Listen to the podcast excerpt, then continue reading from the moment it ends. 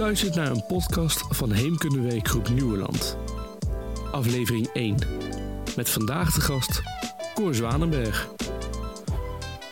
We zijn eh, te gast uh, bij Cor Zwanenberg in Meroy. Uh, inmiddels 79 jaar. In zijn 80ste levensjaar zijn hij net.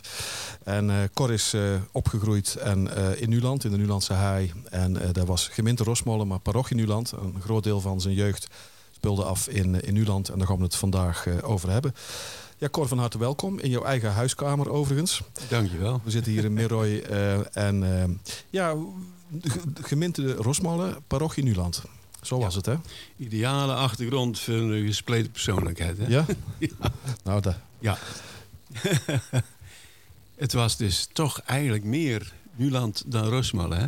Omdat wij, de post kwam uit Nuland en uh, de kerk was Nuland en de school was Nuland. Dus wij waren toch uh, vooral op Nuland gericht. Maar alle officiële dingen moesten naar het gemeentehuis in Rosmalen. Ja. Voor de mensen die het niet weten, Cor, kun je uitleggen waar je precies geboren bent? Ja, dat kan ik, denk ik. Het was het adres Oude Baan B51. En dat hield in, dat is eigenlijk gewoon... Uh, wij woonden een aand in de grond, zoals de mensen zinnen. Wij, wij hadden geen harde weg naar ons huis. Het was gewoon een karrenspoor met fietspadje erlangs. Tussen de akenheggen deur. Helemaal een afslag waar nou de Herman Broerenschool zit. Ondertussen is het alweer eh, aan de Hub Brabantse trein. Ja, Hub. in B. Ja.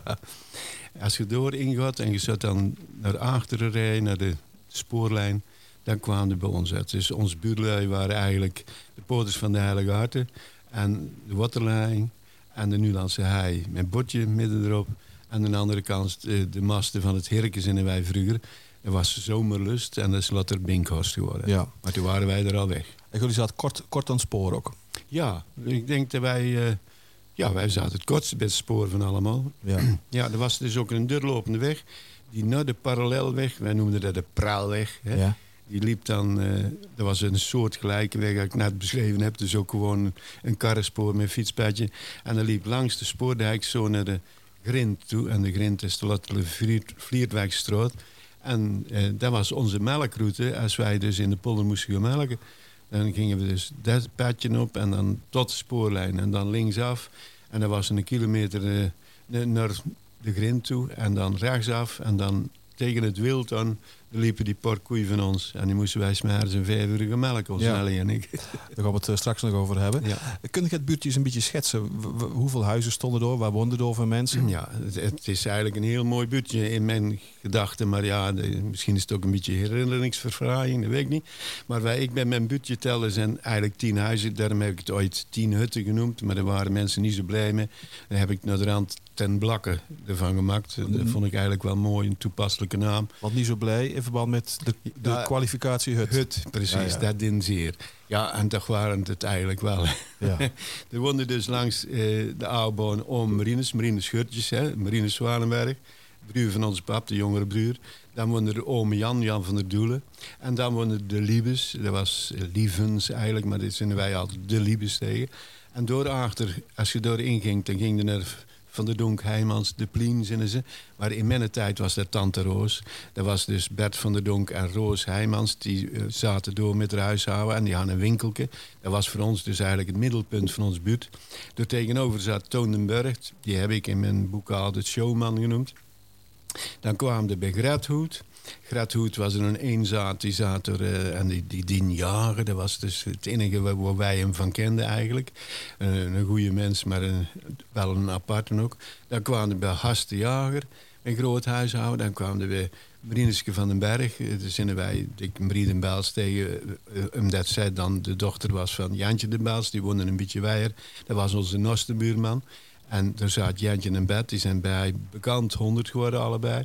En als je dan terugdraaide, dan kwamen we weer links naar een uitgang van de Herman Broerenschool, die ik net heb genoemd. En, en dat was toen dus oom Brines. Er zat nog Jan Hoed tussen. En Jan Hoed had ook een heel groot huishouden. En wij zaten dus eigenlijk het wijdste weg van de Oude richting de spoorlijn. En wij waren dus denk, als je voorbij Jantje de Bels was, dan moesten nog zo'n 100 meter door het zand. En dan bij het kooiste klapzand, daar zaten wij. Ja. Als je, het, als je de buurt waar jij opgroeide sociaal zou moeten duiden, werkmensen? Ja, werkvolk allemaal, maar heel behulpzaam en allemaal vanzelfsprekend buurtplichten. Die dingen die, die waren eigenlijk aan de orde van de dag. Ja. Ja. Geen, geen zelfstandige boeren. Nee, nee. Eh, heel zijn vader geprobeerd. Hè. Die bo- boer zijn naar, naar zijn trouw, maar dat was door niet te doen. Hè. Die kon er niet van bestaan. Dus we hadden een boerderijke, maar omdat hij dat niet draaiende kon houden, ging hij werken. Hij verhuurde zijn eigen dan als eh, grondwerker. Dus hij stond gewoon met de schub in de sleuven voor de plien. En eh, dan eh, moesten de kerner, moeder, de vrouw en de kerner, moesten dus de boerderij aan draaien houden. En dat was dan een klein klotboerderijke, maar voor de begrippen in onze hoek was het groot. Want het was de grootste van allemaal. De Hadden andere jullie aan heerbo- gaat en wij aan koei. Ja, Ja, heerboeren door in, Ja. die, in die hoek. nou nou. Ja. En al die andere mensen ook allemaal loswerk? Of, of Ja, ik, zowijd ik weet wel. eh, Die waren toch allemaal... eh, ja, dus verschillende gingen er mee met onze vader werken. Dus eh, die hebben dan ook in de sleuven gestaan. Net als Marinske van den Berg en zo. En ik denk die Jan Hoed ook nog wel. Maar die, ah nee, die waren verbonden aan de waterleiding.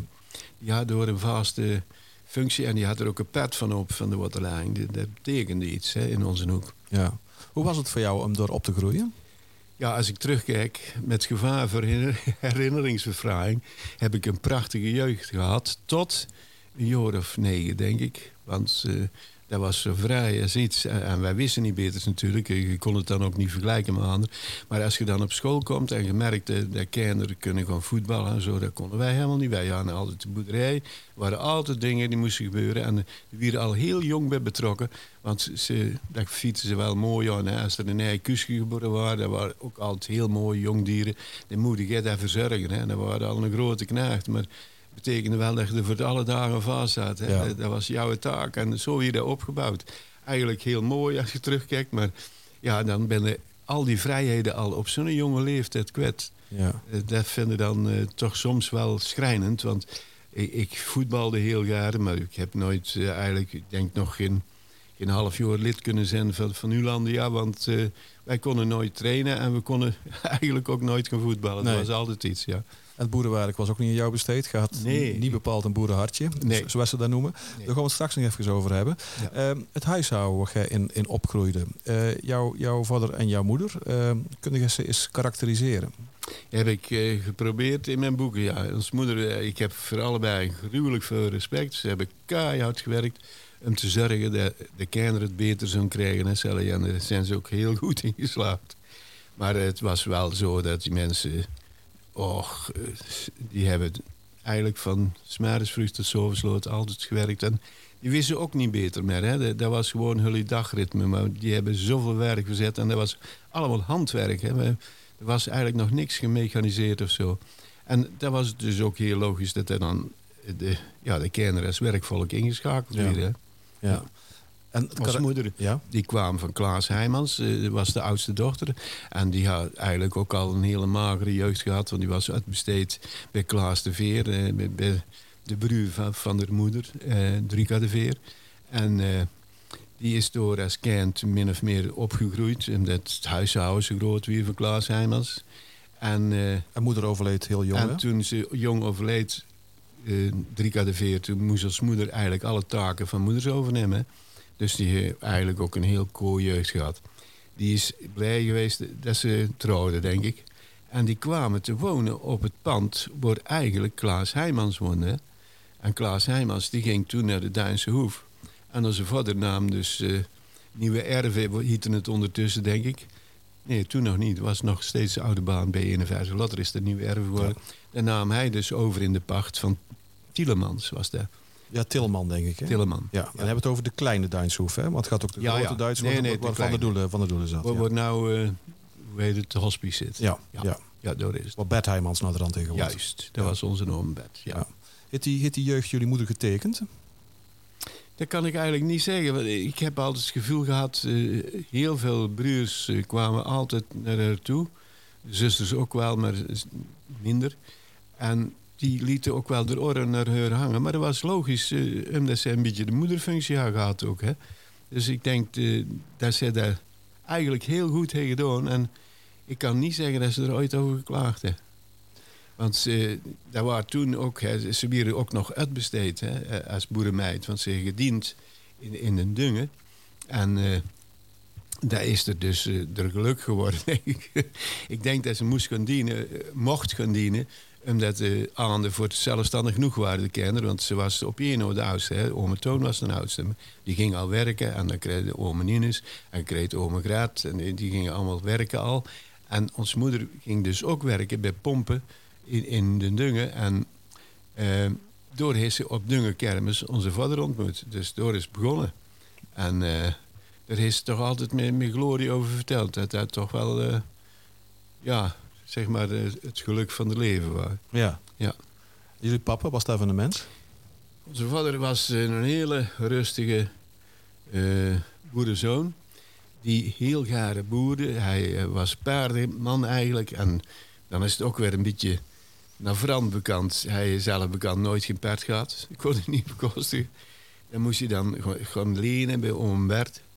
Uh, op de zaterdagen als hij vrij was. Maar hij moest wel altijd nog Grutjes naar de kerk brengen in Rosmolle, want hij was de paardenman. En Grutje die zat dus op het punt waar we later zijn komen wonen, op de Vlietwijkstraat 43. En eh, dat was dus vroeger de grind bij een overweg. Ja, Huisbergse Hoef. Juist. Dat was dus de ouderlijke woning van onze vader. En er zaten oom Driek en oom Doris, twee vrijgezelle broers, die zaten door te boeren, zoals dat heet. En uh, er zat dus Grutje nog bij. En Grutje was Nel Vlokven, de tweede vrouw van Gret Zwanenberg. En uh, die ging zondags naar de kerk met de poffer op. En die ging in het En dan mochten wij over het kruisrood overbruggen. En die gingen dus naar Rosmalen, naar de Lambertus. En dan werd het pert gestald bij Klaas Verliemd, de grootvader van Hansen. En uh, dan gingen we naar de kerk en ik vergeet dat nooit meer, want toen had ik neven grutjes en ik kreeg dus altijd een pepermuntje. En die had ook altijd van die nooie klooien bij, de rook Onjeklooien. Ja, onjeklooien. Lekkere reuk. Ja, precies. En uh, dat waren toch vaste dingen, maar dat moest onze vader doen. Die andere broers die gingen dus nooit met pet, met, met moeders naar de kerk. Dat moest onze vader doen. Ja. En uh, hij heeft dus ook trouw geprobeerd om door toch de boerderij draaiende te houden. Maar toen er kinderen kwamen en toen er wat tegenslag kwam, het is ook nog een keer de rog afgebrand. En dan gaf je dan de schuld aan de locomotief. Maar dat kan goed zijn. Maar het kan ook goed zijn dat die jongen met Lucifer gespeeld. Want dat gebeurde toen ook heel veel. Hè. Dat er dingen dus afbranden. En ja, toen was Helden oogst naar de kloot. toen kon hij het al helemaal niet meer eh, redden met thuisblijven. Dus dan moest je echt gewoon werken om geld te verdienen. Maar die grond was ook zo slaagd door, denk ik... Ja, dat was ook. Ja. Het, het was eigenlijk ontmoedigend. Het was zo'n kooie klapsandhoek. Uh, Alleen de hoogste beeld, dat is gek, naar de spoorlijn toe, dat was de beste. Ik denk dat hij al langer beboerd was. Er waren echt van die bolle akkers. Ja, ja. Daar worden heel veel opgebracht. Dus ze dienen toen nog de, de slootkanten uitscharen. Hè. Krabben in de sloot eh, en uh, al dat materiaal. En ook de, de plaggen, vlaggen steken op de haai. Dat dienen ze ook. En dan moest dat mee in de potstal. En die potstal scheten de koeidrager omhoog. En uh, daar weer dan in het verjoor uitgereden. En er kwamen dan op het land allemaal afgeharkte diepe hupjes. En daar vergeet ik dus ook nooit. En met, dat moesten wij dan mes breken. Hè. Dat is ook heel kooi werk. En ik heb het in een keer gehad, maar daar spring ik al een heel eind vooruit. De meester Emons bij ons eh, thuis kwam op de fiets. En toen stond ik door in mijn stront overal uh, in het mes. dat zijn dan net dingen die ik liever had de Mr. Nisi. dat waren wel zo, ja. Ja. Het klinkt als een heel romantisch. Je zegt zelf ook een paar keer, hè, de, de, de, het risico dat je na zoveel jaar, hoe, hoe herinneringen uh, heel erg roze ingot kleuren, is natuurlijk aanwezig. Ja. Maar van de andere kant is het natuurlijk ook heel, uh, ja, ik vind het ook een heel mooi beeld om op te groeien midden in de natuur in feite. Hè? Dat was zo, ja.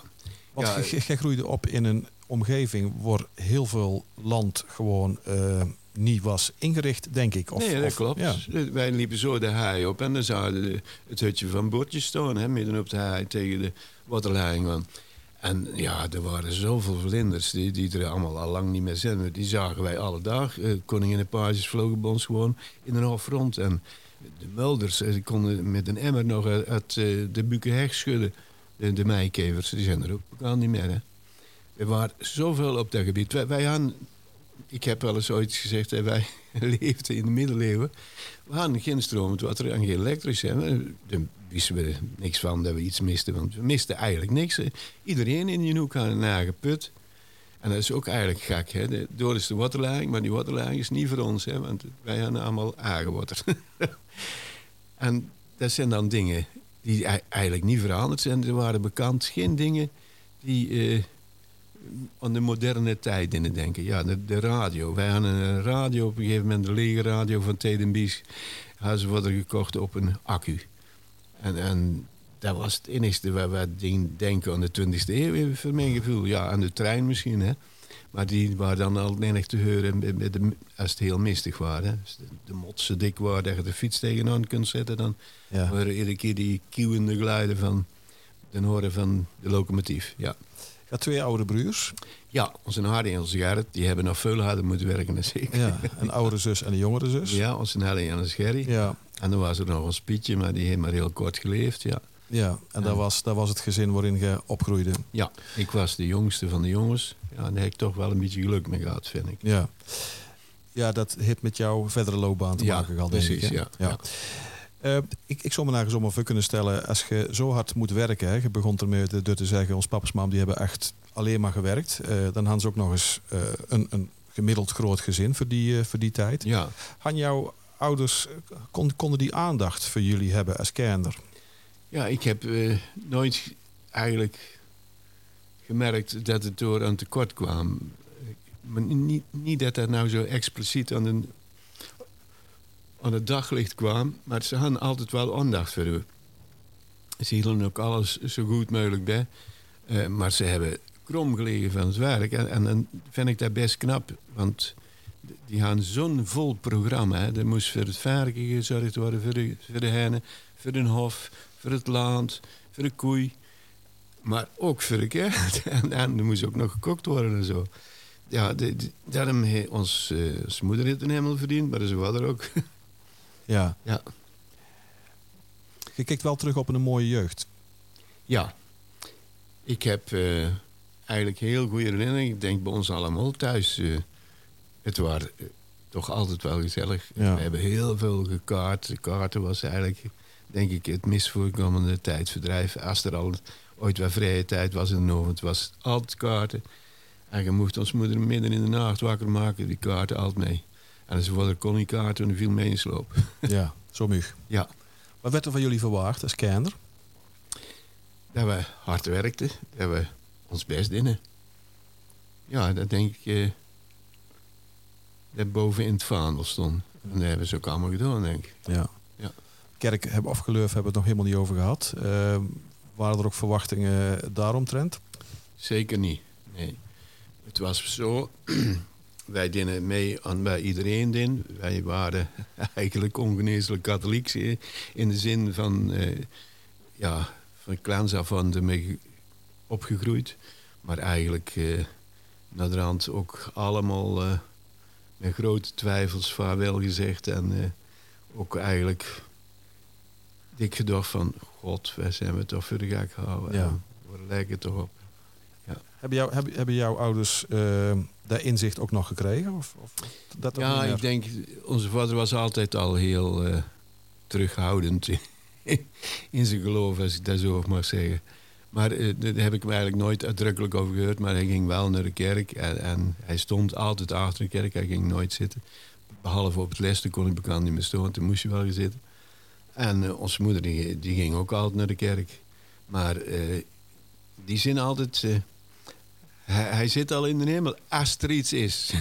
Ja. dus de, de, suggestie van twijfel die was er al, ja, al ja, terug. Ja. Maar ik denk ons, ons Nelly eigenlijk de meest katholiek is in ons gezin. Die, die diende ook al van kleins af aan. Die ging altijd rond met de liefdekoning. Er was zo'n blaadje waar ze samen met een vriendin rondbracht. En die heel veel voor de kerk gedaan. En de rand ook in Nuland. En uh, die is eigenlijk het trouwste gebleven, denk ik. Hoe, hoe, hoe, groot was die invloed van die kerk in, jou, in jouw jeugd? Even los van het feit dat het in jouw gezin misschien geen hele grote rol speelde? Heel groot. Eh, de pastoor die had toch wel heel veel macht. Hè. Die, die kon beslissen, zelfs eh, als er gevoetbald vieren, kwam hij vertellen: naar het lofgully. En, en, ze gingen. Hè. Dat je toen een bal, dan ging de. Ja, dan ging de. Ja. ja. Dan hebben we het over welke pastoor? Ja, dat was Gosses. Gosses. Gosses, hij was veel pastoor. Ja. En ik denk verder een goede mensen, die meenden dan ook toch dat, dat hij zijn macht eh, moest doen gelden. Hè. En eh, ja, eh, wij hebben nooit geen onvechtingen gehad in onze familie van, mensen die het klooster inwonen. Hè. En dan vonden wij dat heel gek. De, eh, Riek van, van die was kleuterlijster. hè. Die, die ging dus toen ze, ik denk jaar 24 waren, wel het klooster in. Ja. En die is non geworden. Hè. En Wat? deze nog, Ja. zuster, zuster Lisette. Ja. Louter roeping. ja, Ja. ja. Ja, nou is zijn naam toch al gevallen, Gosses. Eh, ook een, een- toch wel een redelijk legendarische pastoor. eh, Ja. Die de wat oudere luisteraars ongetwijfeld zullen, zullen kennen. Ehm de potentaat, hè? Een, Ja. een, een, een dorpspastoor zoals er denk ik in heel veel dorpen in die tijd pastoors waren. Ja. Ehm, Ik denk Zeer dat ze dominant. zo- ook een beetje zo opgeleid waren, ja, denk ik. Ja. Zeer dominant. Ja. Eh, en en eh, heb je door herinneringen aan, aan, aan, aan die, aan Ja. die, aan die gozes? Ja, zeker. Ik, ik heb eh, mijn, mijn eerste communie moeten doen, of moeten doen, mogen doen, in de Noordkerk in Nuland. Hè. En eh, dan ging het door oefenen. Hè. En dat was Mr. Hogebergen. En die ging dan mee. En eh Tontje Smits, die zat in mijn klas. En die zat in een biechtstoel. En dan moesten wij dus allemaal op de beurt tonen toe. Hè. En we zaten in een rijke zo te wachten. En Tontje bleef zo lang weg. En toen op een gegeven moment kwam hij achter een gordijntje uit. Hij, Mister, mister, hij sluipt. Hij sluipt. en Hoogberg wist, denk ook niet hoe het moest doen. Maar die was net wat ze noemt. Ook een heel jong manneke. En die ging door sta- stampen voor, voor die biestoel. In de hoop dat hij wakker Zo weer. En uiteindelijk werd het door dat opgelost. Maar je kon hem op een gegeven moment horen snurken in een. Ja. Ja, daar had hij. Hè. Eh, Ik denk dat het een of andere ziekte was. eh, Dat, hij- dat, dat hij ineens gewoon vertrok. Hè. Ja. Hij, hij ook het uiterlijk van een dorpspastoor, hè? Ja, zeker. Ja, ja het was een, eh, een kleerkast om te zien. Ik heb er nog een, een, toof van mogen erven. Mag ik het zo zeggen? Erven? Ja, ik denk het wel. Ja. en eh, die heb ik nog gebruikt hier voor de carnavalsbrood in, in, in Balken. was ik potenpatent en dan ging ik in, eh, in de ton staan als... eh, ja, geen pastoor, maar toch een van de witheren die, eh, Ja. die zwart bijwerkte. ja. ja. Maar, maar, maar zijn invloed was, was groot. Mensen luisterden naar de pastoor. Wat de Ja. pastoor zin was wet. ja, En dat kon een merk in het dagelijks leven alles. Jazeker. Ja, daar ontgingen we als kind natuurlijk wel. Maar de heurden naar de rand dat er zelfs boerenmensen waren die eh, alleen nog een lening konden krijgen bij de, bij de boerenleenbank. Eh, maar dan had de pastoor er wel de voorwaarden aan gekoppeld als ze weer naar de kerk gingen. Hmm. Anders kregen ze ze niet. Er werd gewoon gecontroleerd of ja, dat was ook een soort eh, ja, machtsuitoefening. Hè? Ja. Ik heb het altijd heel, an- eh, heel apart gevonden dat, dat de pastoor door samenwoonde met zijn broer. Hè?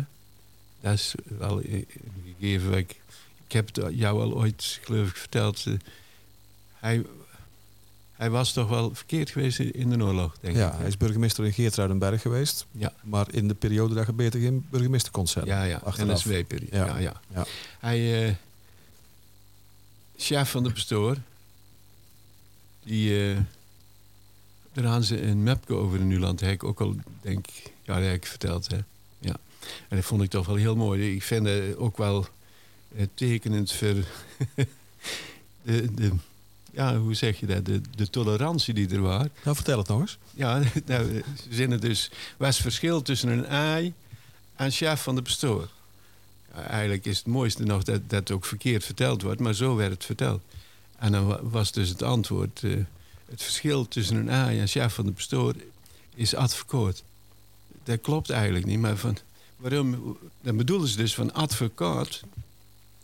Van een ei kun je advocaat ja. maken, Ja. maar van chef niet, want die was het al. Hij was meestal in de rechten, hè? Ja. ja. Ja. Was toch wel tamelijk intelligent mapje, vond ik. Ja. ja. Daar moesten de meeste mensen lang over nadenken, denk ik, in die tijd. Ja, dat denk ik ook. Maar die woonden, op de, die erbij op de, pastoor, op de pastorie. Ja, En die dinden de hele dag in de, Ja. weeg, in de lopen. Of, of, dat, dat, dat denk ik. ja. ik weet het echt niet. Hij leefde in de looten, zoals die het, maar toch niet helemaal. Want ze wisten dat hij ook heel graag proefde. ja. Ja. Maakte hij wel deel uit van, van zo'n gemeenschap? Of stond hij door wijd boven? Ik heb eigenlijk nooit gemerkt dat hij er echt eh, actief bij betrokken was. Nee. Nee. Eh, Willy de Kuster dan wel, hè? Willy Pontenagel. Ja. Dat was een fulltime baan, hè? In Ja, die ja. tijd. En, eh, ja, en de pastoor die, die ging eh, op de Kruisrood ook nog godsdienstles geven hè, met Mr. Verhoeven.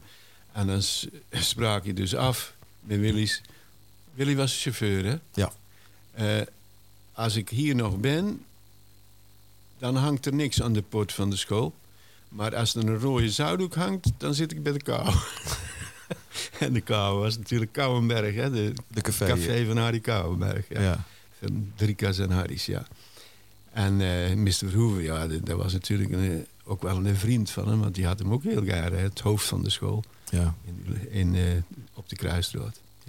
Het was een periode ook, eh, de, de, hè, laat me even zeggen, de jaren 50 eh, Ja. dat je opgroeide. Hè? Ja. Ook een, een periode dat de sociale verschillen op zo'n dorp ook nog telden. Hè? Ja, zeker. Wij, wij, wij vonden het geweldig dat er in Nuland twee auto's waren toen. En eh, dat was dus het bestoren en de architect van den Bos. En die hadden ook in mijn herinnering hetzelfde autootje.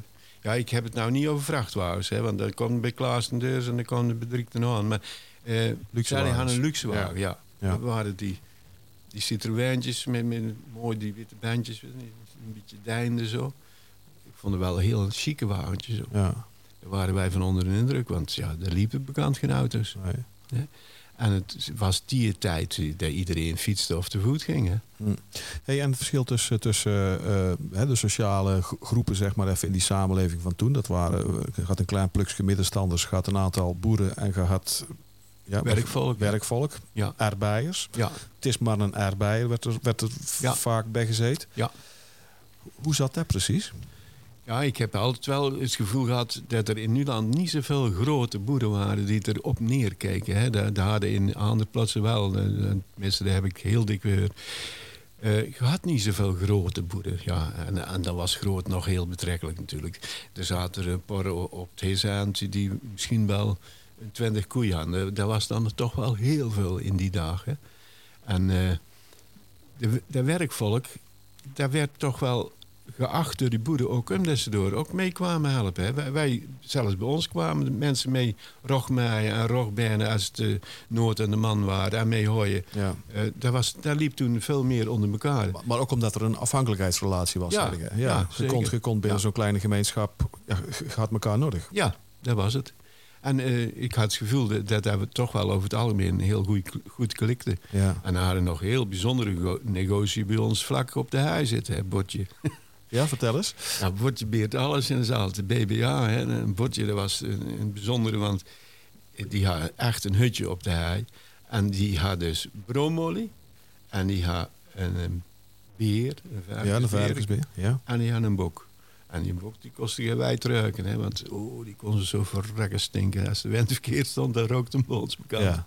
ja en, eh, En die waren, die waren in dienst van bordjes. Ja. Die leverden dus een En bepaalde Bordje- service eh, Ja, tegen zeker. betaling. Ja. Je ging rond met een bok ook. Hè? En eh, de bokkenstuivers die die verdienden, die pruiden niet op. Want het botje was nogal eens er, werd, goed geëlimineerd. er, werd, er werd veel geproefd als ik het zo hoor. Ja, ja dat werd, dat- ik denk dat dat ook toch wel te maken had met een aardemoei. Hè? Eh, Dat zou het, eh, tenminste in heel veel gevallen, ook eh, in al, alle landen zie je dat.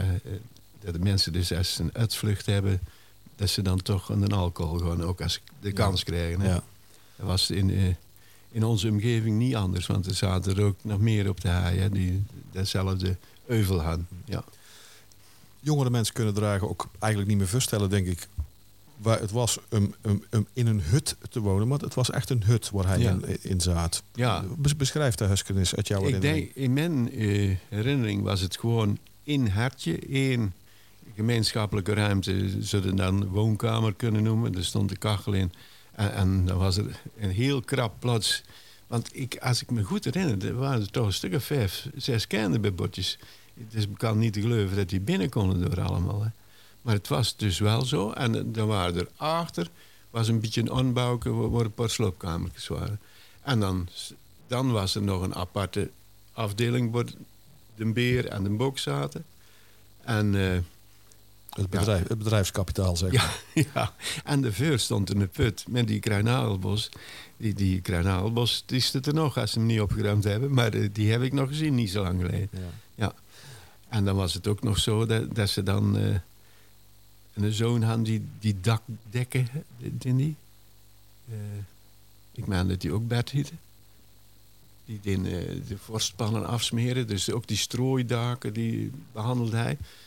Schijnbaar een goede vakman. Maar dat was ook de nieuwste denk die trouwde. En de, de jongste die trouwde, de vertelde ze altijd van... dat vond ik ook een prachtig verhaal... dat er toen een bord stond aan het huisje... van uh, wegens huwelijk geen dekking. ja. ja.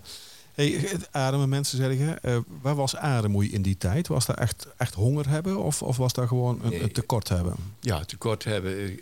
Totaal ontbreken van enige luxe, zou ik maar zeggen. Want honger hebben kan ik me niet indenken. Ze hadden allemaal eigen moestuintje en het kon ze een kooigrond zijn en zo. Maar ze kregen het toch voor elkaar om door ook iets te teulen. En anders, eh, dan waren ze toch voor procenten, konden ze toch wel eh, aan de grief komen in de omgeving. Ja. Want was er, was er wel solidariteit onder elkaar? Ja, ja ik denk eh, veel meer dan vandaag de dag. ook voor, voor de armscharrelaars hadden ze dan toch wel begrepen en, en meeleiden. Veel meer dan nou. Ja, er waren dus ook wel geen voorzieningen. Hè. Daar moeten dan ook uh, natuurlijk incalculeren. Dus ze konden niet uh, in de steun gewoon of zo. Er, waren geen mogelijkheden toe toen in, in mijn jonge tijd. Nee. Ik denk dat jouw leven van eerste keer veranderde toen je naar school toe ging. Dat, dat de wereld groter werd. Ja. Jullie gingen niet naar de Kruisrood naar school, hè? Nee, wij zaten aan de andere kant van het spoor. Hè. Het spoor was eigenlijk oh, dat de was de grens. Ja. Want dat was voor jullie toch echt een stuk Dat was Kortebee geweest. geweest ja. ja. Ik, eh, ik heb het altijd fijn gevonden dat we naar Nederlandse school gingen. Ik, ik heb helemaal geen uh, uh, verkeerde ideeën over de Kruisrood. Maar de tweemansschool, dat kan voor mijn gevoel nooit zo goed gefunctioneerd hebben als Nuland. Die toch bijna voltallig waren. Paar dubbelklas in de menitet. Maar verder was het eh, eigenlijk een vol klas per leerjaar. Ja. Ja. En meestal toch wel rond 30 leerlingen. Ging ook al naar de kleuterschool of de bewaarschool? Ja, of, of? ja daar ben ik één week geweest. En uh, ons moeder die bracht mij weg. En uh, Nee, dat is niet waar. Ik moest mee met Snelly. Want die, daar was, bij de meisjesschool zat er de kleuterschool aan vast. En zuster Clementia, die was door... Uh, ja, ik denk de enige die de, de oppasser was bij de bewaarschool. Wij noemden dat nog de kakschool ook. Ja. En uh, dan moesten wij dus verplicht met de handen zo zitten. Hè, in de bidhouding, zou ik maar zeggen. En oogjes dicht. En dan moesten proberen een kwartier stil te zijn. Ja, dat zeg ik nou een kwartier, het kan goed korter zijn geweest, dat weet ik niet. En ze had ook de methode dat we dan zo gingen zitten met de adem over elkaar en dan de kop op de adem leggen en dan eventjes slapen. En dan moesten we dingen uitprikken. En ik vond, allemaal, ik vond er niks aan en ik had er zo'n hekel aan. En het ergste, ja, dat was ook zoiets. Hè. Dat was in die tijd het schaamtegevoel van hier tot Tokio. Uh, dan hadden van die halfdurkjes en als je door ging pissen, dan kwam de zuster over het halfdurken meekijken. Hè. Dat vond ik wel zo gênant. Ja. en ik ging dus na een week niet meer. En ik hoefde ook niet van als moeder. Want ik, ik, had het gevoel dat ik door eigenlijk uh, helemaal niet thuis zit. Nee. Dan ben je de jaren vier, eh, even, als ik even snel reken. Vijf, uh, denk ik. Vijf, ja. ja. Vijf. Dan is de oorlog net afgelopen. Ja, 48 ben ik naar de lagere school gegaan. Ja, ik ben 47 naar de, naar de, ja. kleuterschool. Heb je nog, actie, heb je nog uh, ja, actieve herinnering is een, een, woord wat tegenwoordig vaak hoort, maar heb je nog herinnering aan een oorlog? Ja, ik, ja, dat zijn van die twijfelgevallen. Hè. Heb ik dat nou zo dik gehoord dat ik dat zeker weet? Ik maan dat ik dat gezien heb. Uh, dat wij in de, in de schuilkelder zaten en dat zand begon te ruiselen. En dat iedereen, iedereen in elkaar dook. En ik heb natuurlijk wel na de oorlog uh, heel veel die grote greppels gezien en de granaatscherven gevonden. En, uh, want het had er toch wel een beetje gegruld bij ons op de haai. Hè? Want er, stond de afweergeschut, ik straks. Uh, ja. Hebben we daar ook opgenomen of was dat van tevoren? Nee, dat hebben we niet opgenomen. Nee, nee, nee. Er stond dus in het plantsoentje bij ons de, het berkenbusje, zou ik maar zeggen. En er stond dus, dus een afweergeschut van de Duitsers. Maar dat heb ik pas uh, leren kennen eigenlijk via de verhalen van broer Verrooy. Want broer Verrooy, dat was uh, broer van Bert van den Elzen of broer van Drika Pak. Die zaten midden op de haai verbedbotjes en die hielden duiven. En onze vader was eigenlijk een duivenmelker en die ging dan buiten en moeit mee. En broer die kon ja, de dingen veel meer te vertellen. Maar die is ook, denk ik wel, een jaar of zeven, acht ouder dan ik. Hè. En die wist dus te vertellen dat door in de, dat busje dat geschut heeft gestaan. Ik wist dat nooit, maar ik, ik heb naar de rand ontdekt... als wij door wegkruipen in speulen of... Uh, waar we verder buurt, of buurt, vrij of weet ik wel. Dat was midden in het bos was een witte ronde cirkel. En dat vond ik zo gek wit zand. Maar dat is natuurlijk de achterblijfsel van wat dan vroeger gedraaid. Ja. ja. We hadden nog veel achterblijfsels toen je eh, opgroeide?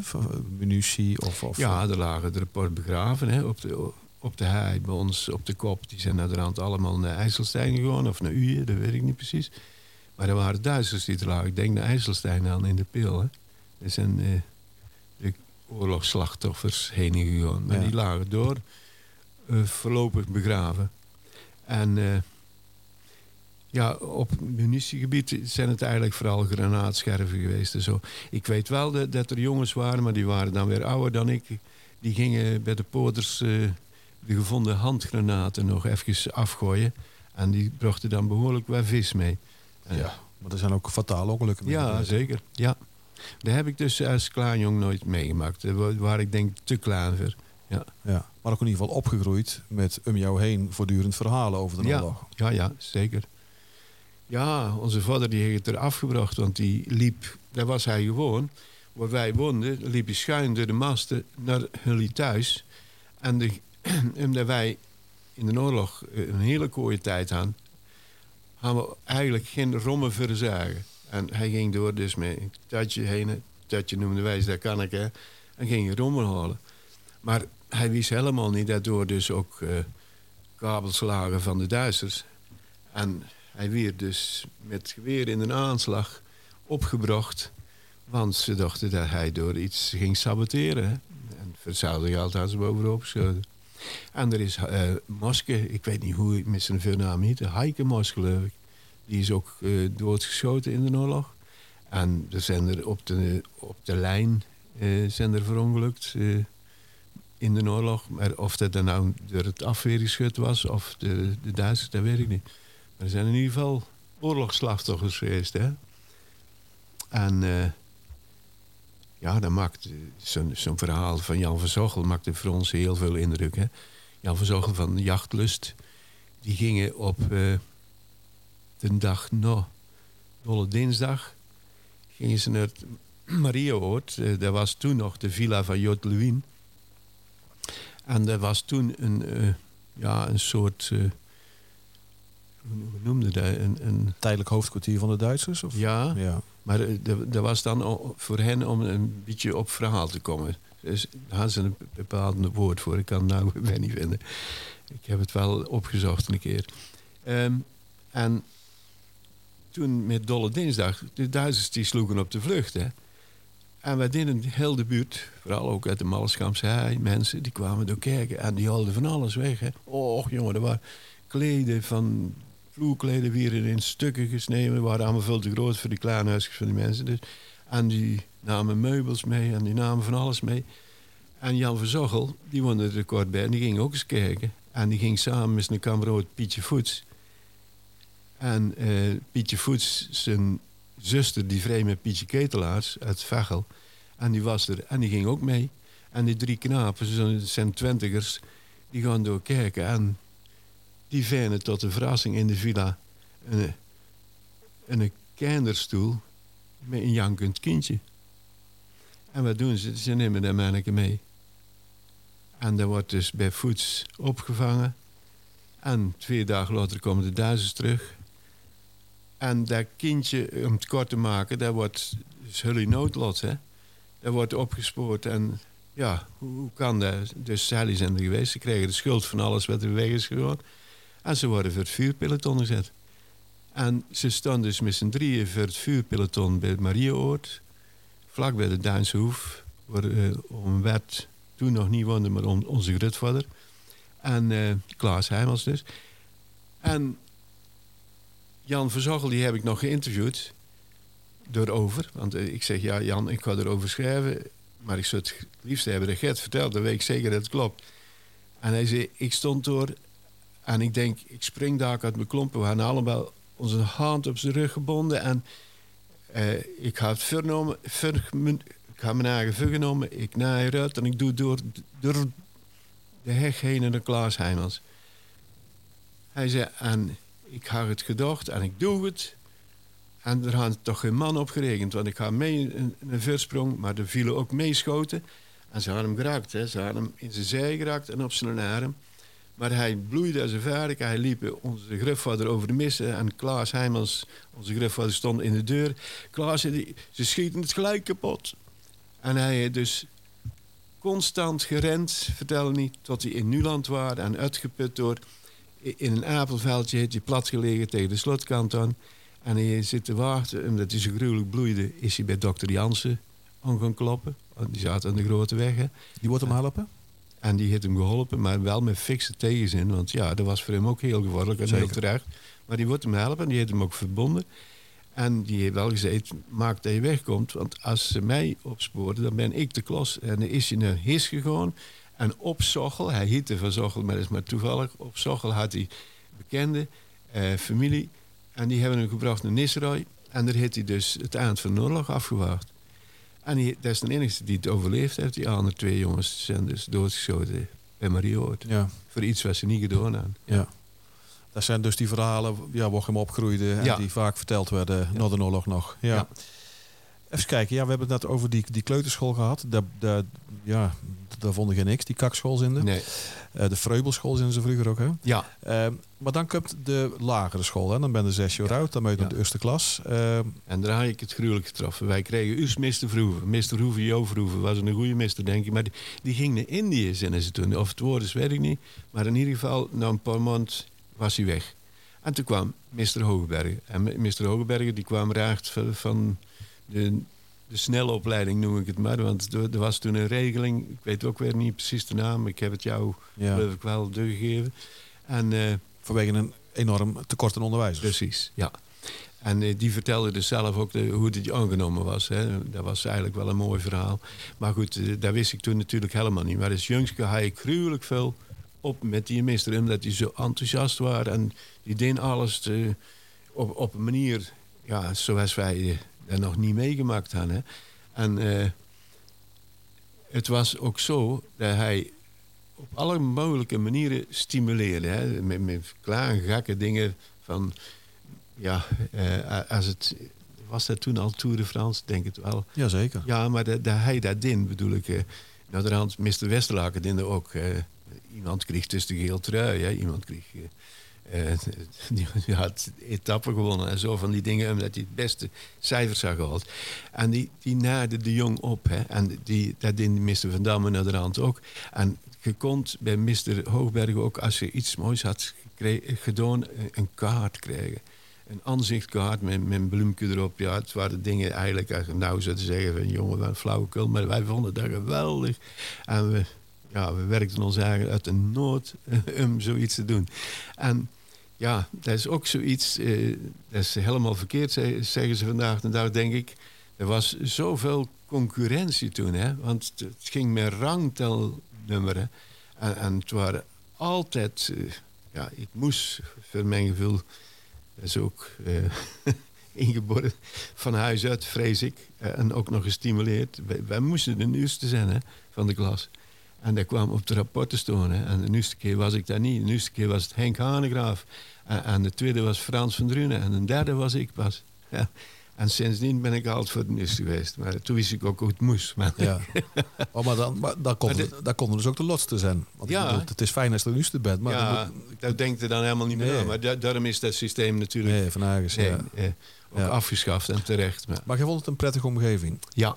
Hoe zag die school eruit in uw land? Waar stond die ergens, jouw, jouw ja, school? Sint-Martinus Jongensschool was tegenover Tieske Verstegen. En Tieske Verstegen was uh, een boerderij tegenover de school waar wij ons fietsen hebben mogen zetten in de tijd. En uh, de school werd eigenlijk... Uh, dan zitten we in de hoek van de huidige Kloosterstraat met de Kerkstraat, denk ik, hè? Ja. Waar nou het, nou, bejaardenhuis, is. Ja, ja. ja, precies. Op dat punt zat het. En uh, dat was Mr. Pinkster, hè, die stond er al uh, het verkeer te regelen. Hè. Die, die stond, er was toch nogal een statige heer en die stond daar midden op straat. En eh, die hield alles in de gaten. En die meester die, die kende ook iedereen. Was een, was een geboren en getogen Nulander ook? Ja, ja. En uh, toen ik door een keer stond te wachten, ik moest dan met zijn Harry mee naar huis rijden. En zijn Harry zat dan jaar boven men op school. Dus Gerrit was al van school af. Zoveel verschil zat er tussen mijn oudste broer en men dan. En uh, dus in uh, mister, en wie ben jij? En ik zei, nee, ik ben Corver Piet Schutjes. Ik, zo zinnen ze dat bij ons in de hoek. Ja. maar ik heb eigenlijk wel goede herinneringen aan die mister ook. Want die, die, die moest er alleen maar lagen. En ik, ik, denk dat het goed was. Naar de hand had hij me ooit wel een gruwelijke klap verkocht. En dat kwam uh, in de winterdag dan uh, gingen wij garen op klompen naar school, want dan konden ze lekker slibberen. En dan liepen we ook door de haai heen en dan uh, altijd door bij golvend terrein. En dat was eigenlijk al een heel mooi onlooproute. En ik kwam op school en er waren van die kleine glijbandjes, slibberbandjes in de wei. En dan omzetten en dan... En ik uh, moest wel uitkijken, want ik kwam naar de vensterbank neven de voordeur van de school. Maar ik wist helemaal niet dat Mr. Pinkster net naar buiten was geweest om te verbieden dat er nog ge, gegleden zou worden, want het werd veel te glattig. ik wist nergens van. En hij kwam er buiten en hij vat me en hij had zijn ring aan en hij sloeg me toch tegen mijn oor aan. Oh, Hector toch stond te brullen op de gang. Godverdorie, ik wist nergens niks van en ik kreeg mee klappen. Ja. Maar verder was het een hele goede meester, denk ik. En ja. ja die heb ik maar heel kort gehad, want uh, hij kreeg een toen de opvolger met Mr. Emons. Hè? Hm. Ja. Je, moest, eh, je moest ook een flink stukje reizen voordat je uh, op school waart. Ja, wij reden altijd, eh, die pad kan ik nog zo goed herinneren. Wij reden altijd dus het padje langs Tante Roos Liebes. En dan kwamen we dus bij de Waterlangs bossen erop. En er hadden een rode steenslag, dat was de hoofdboon van de oude En rechts lag een sintelpad, zwarte sintels. En dat was ons fietspadje. En dan reed ik dus uh, langs de drie kunningen, Haskebout, uh, naar Diesveld, uh, Nijlboon, Haskamp. En dan zat aan de rechtse kant zat toen Van Golen, maar er zat vroeger niet pas. En er zat Harry de Wit en Piet de Wit. En dan links hadden we de Helsenhoek. En dan kwam Bettines Vergorrelen en dan kwam bij Tontje Bol. Dus wij ook Tom Poesje tegen. En dan ging de een beetje rechts, zat in die knik, zat Piet Verkrieken. Bert van Hantje Stevens. Dan kwamen de Rovers. Dan kwamen bij Marinus van Achelen. Dan zien wij wel Monnes de Naap tegen. En dan kwamen bij Pennings, de grote boerderij. En dan aan de rechtse kant zat Van den Broek. En dan kwam het Swantje met de kroon, met zijn winkel. En dan waren wij voor het dorp van Nuland. Hè, en Driekten aan. En dan hadden Marinus de Post. Dan gingen we linksaf. Er zaten Van Achelen de slachter. En dan zat er... Eh, hoe heet ze nou, waarvan ze zinnen dat ze zoveel centen hadden. Uh, och, het Gauw Hanneke. Ja, uh, hoe heette die uh, eigenlijk? Van Nistelrooy volgens mij. Ja, wij, Ketelaars. En wij hadden de kas zinnen of zoiets. Die zat dan een binnen. Er oh, zat ja. Nuiten en de, de, kas. En dan kwam de Smit en dan kwam Willem van Helvert. En tegenover zat Piet van Orikes natuurlijk. En dan kwamen we Ties Verstegen. En dan hadden Jan Korsten ook nog gehad. Uh, dan waren we bij de school. ja. ja. En wat deden dan tussen de middag? Want dat was de moeite niet waard om... Jawel, en er waren toen nog ruime pauzes. Hè, van, uh, wat was van 12 tot 2. Dus wij gingen op en neer naar huis. Even ja. boterhammen eten. Alleen bij Hoogbergen, die din Kasti en die din uh, spelletjes. Toen hadden we eigenlijk bekend geen tijd meer thuis te eten. Want we moesten terug naar school ja. om mee te kunnen spelen. Hè. Ging er voor jou een wereld open op die school? Ja, zeker wel. Ja. Ik, uh, ik ging heel graag naar de school. En ik heb er ook veel geleerd. kan ik gerust zeggen, ja. En uh, het ergste vond ik als ik dan ook toch dat boerenwerk mee ingetrokken weer. Want dan moest ik een zak rog meenemen voor op de vrachtfiets. En dan moest ik die afgeven bij de Boerenbond. En dan moest ik die volle zak naar de rand gemalen en wel weer mee terugbrengen. Hè. En dan, dan reden er Nuland als boerenjongen. En dan kreeg ook nou behoorlijk wat scheldwoorden naar de kop. Hè. Boerenklippel en poederpummel en uh, ja. haaikneuter waren we al. Dus. Ja. ja werd, erop, werd, werd erop neergekeken, op de haai? Ja, dat denk ik toch wel, ja. ja. Ik geloof wel dat dat bekeken werd toch als uh, het laagste allooi van uh, het dorp, denk ik. Vonden dat erg? Nou, ik, ik heb er geen last van gehad, want ik vond wij ja, zoals ik al gezien, eigenlijk een hele mooie hoek aan. En we gaan heel vriendelijke mensen in ons, in ons omgeving. Nee, ik heb... eh, En waar kwam, waar, waar kwam die reputatie dan vandaan volgens jou?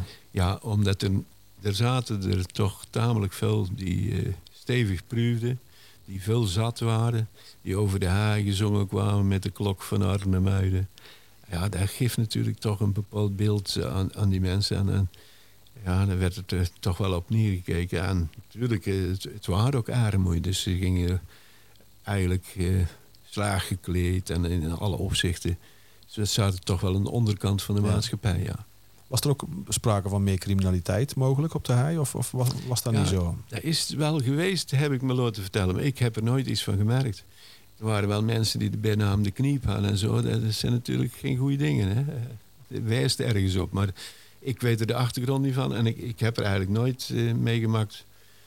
Buiten dat, dat ze zo erg aan de alcohol zaten dat ze een bak indraaiden. Heb ik het eigenlijk niet meegemaakt. Ja, ene, een naamgenoot voor jou. Die hele lange vingers had. Ja. Graris, oh Garem. Ja, Graris Kappenhaag in een goede naam. Maar eh, verder, Nee. ja, dit, dit, Ah, die, was, die was ook slachtoffer, zullen we maar zeggen. ja, Ja. Goed, Het boerenwerk, hebben we het al over gehad. Eh, in de tijd dat je naar de basisschool ging, of lagere school lieten dat toen, hè, ja, werd er van thuis uit ook een beroep op jou gedaan. Dus Je moest ook goed bijdrage leveren, neem ik aan, aan de gezinseconomie. ja. En Dat, en, en dat dat- was vanzelfsprekend. Onze moeder zei, gewend, daar ben er niks te goed voor. En daar had ze natuurlijk ook gelijk in. Daar hadden mijn broers gemoeten en die waren ondertussen al van de ambachtschool af. Want die waren wel ouder dan ik en die gingen al werken. En die zorgden dus mee dat de zaak draaiende houden. En ik mocht eh, dus ja, misschien strakke deur leren. Dat zat dan nog in een hele wijde zak. hadden dat al zo vroeg op hoe netvlies dat Ja. je dat wordt? Ja, ik heb al heel vroeg gezeten dat ik graag een mister zou worden. Ja. Wat, Ja. was dat het, het hoogst haalbare ook eh, Ja, in, voor jouw, mijn in jouw milieu? Ja. Ja, voor mijn gevoel wel, ja. En, en dat is eigenlijk niet goed gelopen, maar dat, dat komt dan omdat de mensen er niks van af weten. Ik wist er zelf ook niks van af. Eh, ik eh, moest toelatingsexamen doen en Mr. Emels die had geregeld dat ik dat mocht doen op de MULO en op Titus Brandsma. Dat was, maar nou maken we sprong in de tijd, denk ik. Hè? Ja. Dan, dan hadden de basis, de lagere Ja, ik school... moet hadden- eigenlijk even terug naar de... ja, het komen daar, precies, Ja, komen daar op het, daar, eh, ja. op het schoolverhaal uit, ja. We, we hadden denk ik of 9, 10, eh, dan moest- moesten er al mee de boeren werken. heb ik straks al omgestipt. En als je dan in mijn geval 11 waard, da- dan ging dat al mee melken. En dat melken, dat moest ergens heel vroeg. Dan heb ik het dus wel over de tijd dat de koeien niet binnen stonden. In de winter dachten die dat ze moeden er zelf. Dan, eh, dan hoefden wij er niet. Maar in de eh vroeg voorjaar tot, tot en met de zomer, tot in het begin najaar, moesten wij gaan melken. En dan liepen de koeien in de polder. Heel vroeg. Wa- Waar was heel vroeg? Vijf uur. Dat is vroeg. Ja. Dan moesten die rommen aan de weg staan om half zeven. Want Cor Verrooy, die, die reed toen de romkaar. En die begon op het Heeseind. En die was dan om zeven uur al op de Vliertwijkstraat. Want toen moesten wij de rommen zetten bij Grutjes. Want die kwamen natuurlijk niet bij ons in de haai die rommen ophalen. Hè. Dat was veel te moeilijk. Die ging naar een bos, naar de Sint-Jan eh, romfabriek. Hè. En eh, dan moesten wij dus eh, achter in de polder gaan eh, melken. En dan moest ik de vrachtfiets. En dan snel die, die, reed dan mee, die hadden kuksjes voor, voor de koei. Want daar kwamen ze handig op afsmaris. En ik denk dat we door een uur bezig waren in de polder dan. En dan stonden de rommen aan de weg en dan reden we naar huis. Moesten altijd nog een tutje voor eigen gebruik meenemen. En dan waren, denk dat zal het zijn, we waren nuchter de polder ingedaan. We waren zeven uur dus terug. Dan zal het eh, half acht zijn geweest. Dan zaten we aan de gebakken ei en spek. Ja. Want, want het feit dat jullie zo wijd moest fietsen, had dat te maken met, dat was gepaard, Ja, gepaard precies. land. Ja. En naarmate dat je je weg zat, was het goede kopper? Of? Dat weet ik niet. Maar eh, wij hadden alleen nog die campjes aan, aan, aan de Achterdijk. Want dat is bekend in het wild. Dat, moet echt, Ja. dat is echt Ja, wijd dat is heel wijd. Ja. Eh, Want naar de rand hebben we wel een kamp gekregen in de Rompet. Dat was korter bij. Maar toen hadden ze voor- voor er meer armsla- armslag. En toen had je dus voor twee kampen in de polder. Hoeveel koeien hadden jullie? Wij hadden toen drie of vier. Dus eh, dat was alles. Maar ja, daar, daar moest je toch veel werk voor doen. Als je nou hoort dat een, eh, een liter, geloof 12 centen opbracht. En er moest nog kwaliteit 5 cent. Denk je, jongen, jongen, we hebben wij door toch in de polder liggen kruipen voor een procent. ja, maar eh, zo werkte dat in die dag, ja. Maar je gaf er weinig om, om dat boeren... Nee, ik wist al lang dat ik dat nooit wou. Want ik, ik, ik had er gewoon voor een hekel aan. Achteraf vind ik het fijn dat ik dat allemaal heb gedaan. En dan weet je ook ook over kunt meeproten. Maar uh, het, het, is nooit uh, mijn liefhebberij geweest. Nee. Nee. Nee. Werd school gestimuleerd thuis?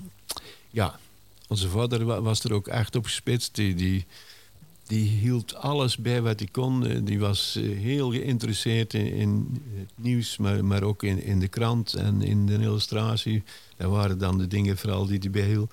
En die stimuleerde dat, ja. En wij hadden ook allemaal wel garen gedaan, naar mijn gevoel. Dat ging ook goed bij ons, ja. Dus, uh, Waardoor had ik een voordeel van jouw leeftijd. Ja. Je zegt, als, als, als ik een oudste was geweest... Dan had ik geen kans, kans gehad. Nee, het, het, was normale gang van zaken. Als die 30 leerlingen van men in de klas... dan was het dus... Dan waren alweer vijf jaar later als onze, onze Gerrit, hè? Zes jaar later. Dus er waren de toestanden al een beetje veranderd, wil ik zeggen. De ene ging bij ons uh, naar het juvenaat, uh, was er in de verkrij. Ene gingen naar, naar Titus Brandsma, dat was Adriaan van den Bos. Ene gingen mee met, met men naar de Mulo, dat was Frans van Drunen. En de rest, oh ja, en Adriaan van Bergen, die ging in het seminarie. Er waren er al vijf, die de, toch, dacht ik altijd dat er minder waren, maar er zijn er dus vijf die meer dienen dan ambachtschool en landbouwschool. Ja. En de rest, die gingen? Die, die, gingen thuis aan de gang. Of die gingen, er werd toen niet zo naar gekeken. Hè. Die gingen al meewerken. Ja, maar ja. er waren er ook bij die goed konden leren, neem ik aan. Maar daar werd, ja, ja. ja, er is heel veel, uh, ja, denk ik wel, heel veel, uh, hoe noemen we de intelligentie verloren gegaan. Ja. ja. Ja. dat denk ik wel. Er waren zeker mensen die veel meer gekund zo'n hebben. En ook op zo'n MULO kwamen leerlingen die er eigenlijk niet thuis horen. Want die, die, waren er eigenlijk te goed voor restaurant kwamen. Maar dat vonden mensen al heel wel. Ja. ja. Dat was voor, voor eh, arbeidersmilieu was ja. het hoogst haalbare milieu. Ja. ja. Want uh, ja, daar zal ik dan nou toch maar mee vertellen. Ja. Met, met mijn toelating was het dus zo gelopen. Ik mocht op allebei de plaatsen komen. En uh, wij wisten helemaal niet waar ze zo'n kiezen. Uh, men werd ook niet gevraagd om te kiezen. Want dat diende als moeder. Want toen kwamen de boekenlijsten af. En de boekenlijst van de fraters van de Mulo. Daar waren van die rouleerlijsten, hè, die, die waren tweedehands dus. En dat was nog geen honderd gulden in die dag. En die van Titus Brandsma was meer eens in zijn duur. Dus de keuze was niet moeilijk. Nee. Ik ging naar de Mulo. Ja. En ik naar de rand wel eens gedacht van... als ik toen naar Titus Brandsma had gekund... dan had ik toch veel avonduren kunnen besparen... in de studie van actes en zo. Hè. Maar dat heb ik altijd uh, allemaal gedaan... neven het onderwijs in ja. de avonturen. Ja. ja je wordt bevo bevoorrecht, hè? dus in feite. Ja. Hadden dat toen ook in de gaten? Ja, en daar werden we ook ingevreven. Ook wel een beetje lachenderwijs. Onze Gerrit die zin dan garig, het altijd al geld had gekost. Hè. Ja. ja, ik heb het uh, danig gevoeld toch wel. Uh, ik had nooit geen tractement. Hè. Ons moeder gaf me een knaak, toen waar ik ze 18 of 19 jaar, moesten we van roken, moesten we van rondkomen in, de Heldweek. Dus uh, daar haalde niks uit. Hè. En, en mijn broers, ja, die, die verdienden voor het geld, die kregen dus ook veel meer. En dat, dat dient soms toch wel zeer, ja. ik heb nog wel eens iets gelind zo Gerrit, wat je nooit teruggezien hebt. Ja.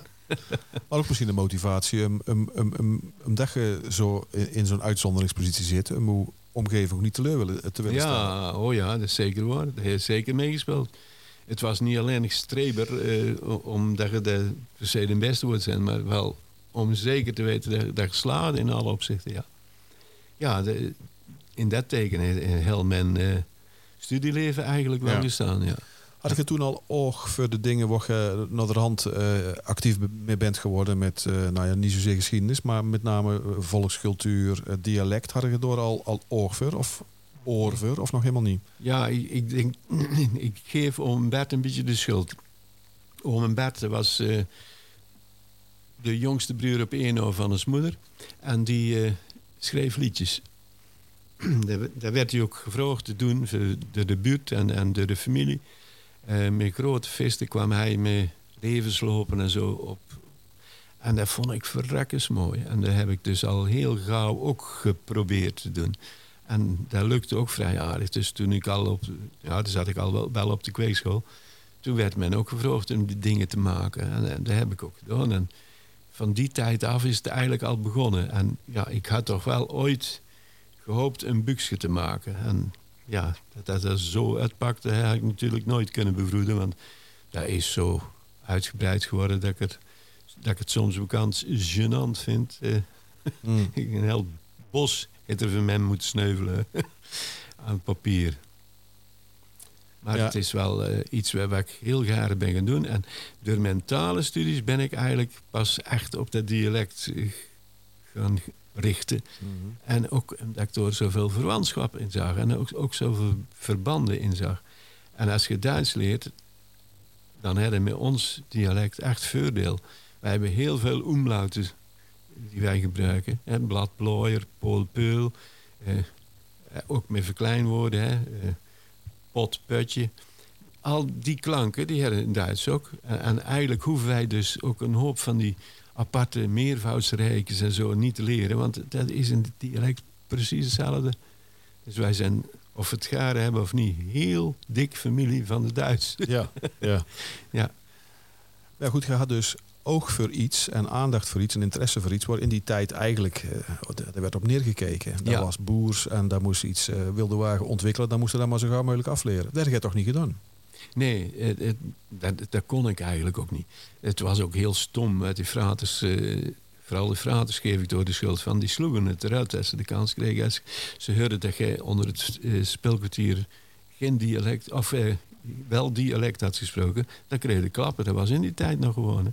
Maar die hebben ook nooit in de gaten gehad hoe mooi dat het dialect was, denk ik. En, en die hebben ook niet geweten wat er allemaal voor, ja, voor in zit. Want dat is dus het kwalijke, vind ik, van dialect. Het, het wordt heel dik gewoon als toch wel minderwaardig en boers afgedaan.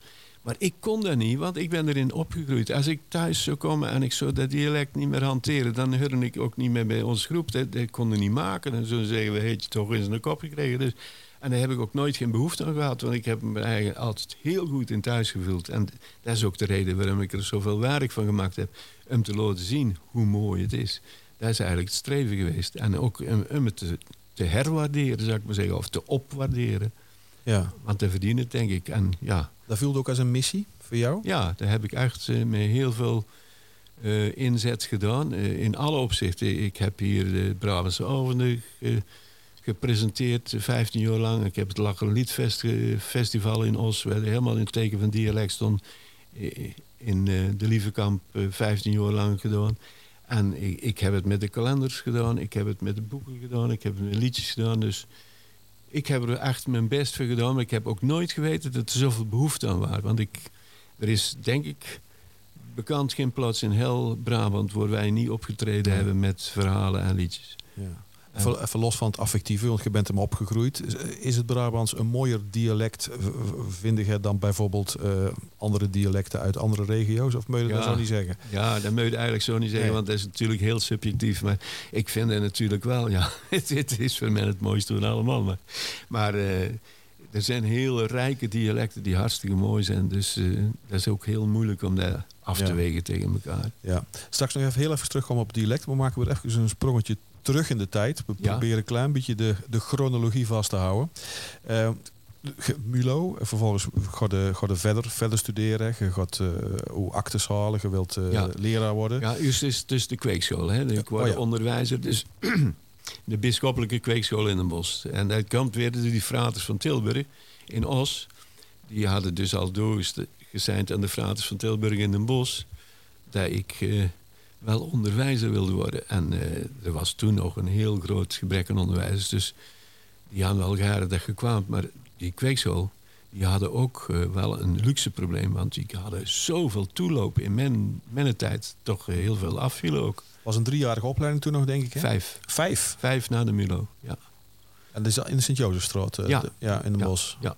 Tegenover de Redemptoristenkerk. Ja. nou dus... eh, En dat was bijna een wetenschappelijke, een wetenschappelijke opleiding die tijd. Hè? De, de lat lag eh, zeer hoog. Hè? Een heel goede opleiding. Ja. Ja. echt heel breed, heel goed.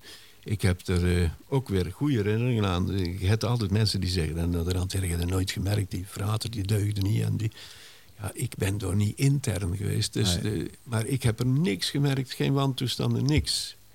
Ik heb er alleen maar respect voor, omdat die mensen die waren dag en nacht met onderwijs bezig, voor mijn gevoel. En die probeerden ook alles zo goed voor te bereiden. En die kwamen wel beslagen ten ijs, Ja. want er, waren wel goede leerkrachten hoor. Was voor jou ook een roeping, onderwijs?